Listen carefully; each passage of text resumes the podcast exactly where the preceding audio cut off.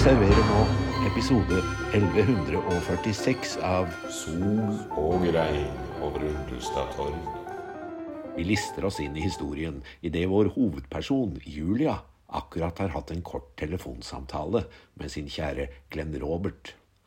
Han må dessverre jobbe litt sent i kveld, men lover, ja garanterer, at han skal rekke frem til Skorven barneskole før den store avstemningen om beste kostyme ved karnevalet. Men Julia, hvilken idé!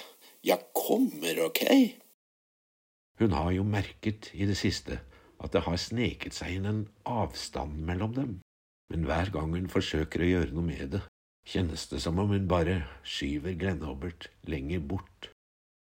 Nå later Julia som ingenting og tar imot tenåringen Thea Marie Friis, som skal sitte barnevakt for minstebarnet. Bilen har hun pakket allerede.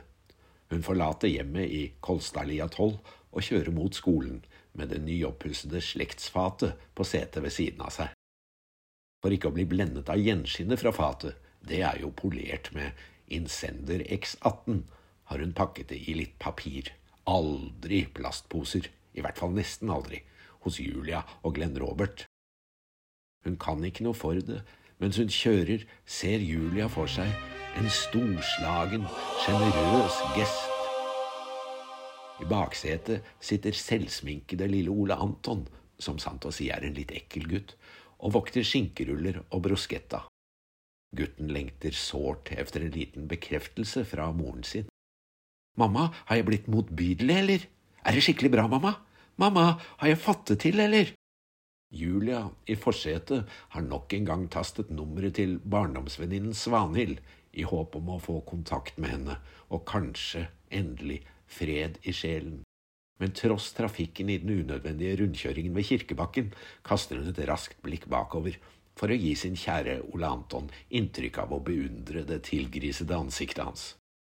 Samtidig får telefonen hennes kontakt med svareren til Svanhild. Åh, du har blitt så motbydelig, sier Julia, så ektefølt og inderlig hun bare kan for å glede sin lille sønn. I neste øyeblikk hører hun et velkjent elektronisk blipp-blopp som forteller at mobilen har avgått ved døden. Å na, tenker Julia.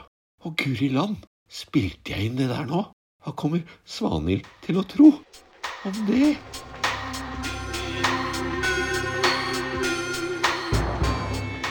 I den såkalte aulaen ved Skorven barneskole har Svanhild Stangeland akkurat gjort entré, påsveiset den lille sorte, de høye skinnstøvlene av Kobe spekalv og med en 360 grams boks Bertas kokostopper, glutenfri, produsert uten palmeolje av Bakst AS i Larvik, som slett ikke inneholder en eneste kokostopp, verken Bertas eller noen andres. Kan inneholde spor av melk, soya og mandler? Å nei du, ikke nå lenger, her skal det bli svanhildboller.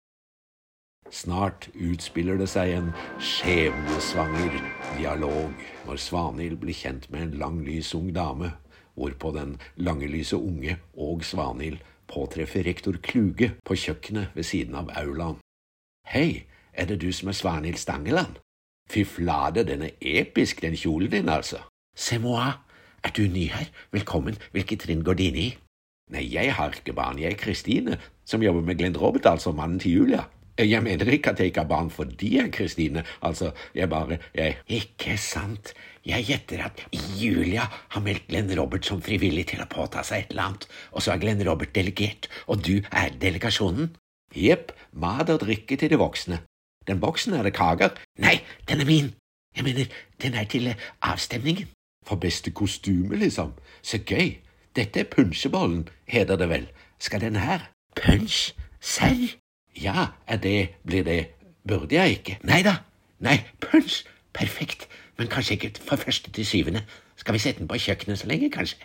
Vil de inn med punsj til større tilstelninger nå, så jeg, visste ikke hva det var engang, jeg. Trodde punsjeboller var sånne små kaker. Takk og lov for Wikipedia, hva? Men rom, aldri smakt rom, jeg, tror jeg.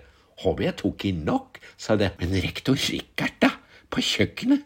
Ja, du en sånn hands on rektortype, du, da? Hei, øh, Svanhild, nei da, jo litt, øh, må jo trå til der det trengs. Litt av en kjole, du. Øh, Flott, mener jeg. Virkelig øh, nydelig øh, linning. øh. Dette er Kristine. Hei, Kristine Tiklefjed. Ja, alt bra med Liv Hanne og, og, og, og tvillingene? Mais oui, bien sûr. Og du har fått ansvaret for avstemning av stemmesedler? Øh, Ja da, jeg øh, På oppklippede, alminnelig hvite A4-ark, trygt plassert i safen? Ja, det er jo ikke utfylt ennå, da, men, men trykk på pulten min i hvert fall. Hva synes du, skal jeg ta imot i døren når alle kommer, og, og, dele ut en til hver? Ja, ha- hands on. Rikard, da. Ikke du. Ikke rektor Kluge. Det kan jeg gjøre. Du, i trekken i døren og dele ut papirlapper, ikke tale om. Jo, vi henter dem nå. Bare du og jeg. Men Svanhild, da, jeg… Skal vi ta med punsjen? Å, vil du ikke vise meg kontoret ditt? Hm, Rikard? Svanhild, øh, fru Stangeland, Svanhild, jeg… Jo, vær så snill. Jeg har lyst. Nei, nei, nei, stå i døren, du. Hvordan skulle det ta seg ut? Tynnkledd og… Jeg er ikke tynnkledd. Jeg har tykk hud. Nei, men Svanhild, jeg kan ikke… Jo, det kan du. Jeg tror kanskje jeg ringer Gled Robert litt, jeg, sier Kristine Tiklefjed. Kanskje han kommer snart.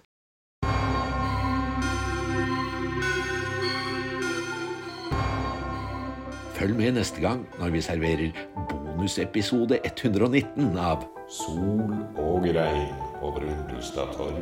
Et norsk drama av Kolbein Plue. Musikk Et oldebarn av Nordrock. Produsent Bella Brockhurst Haga.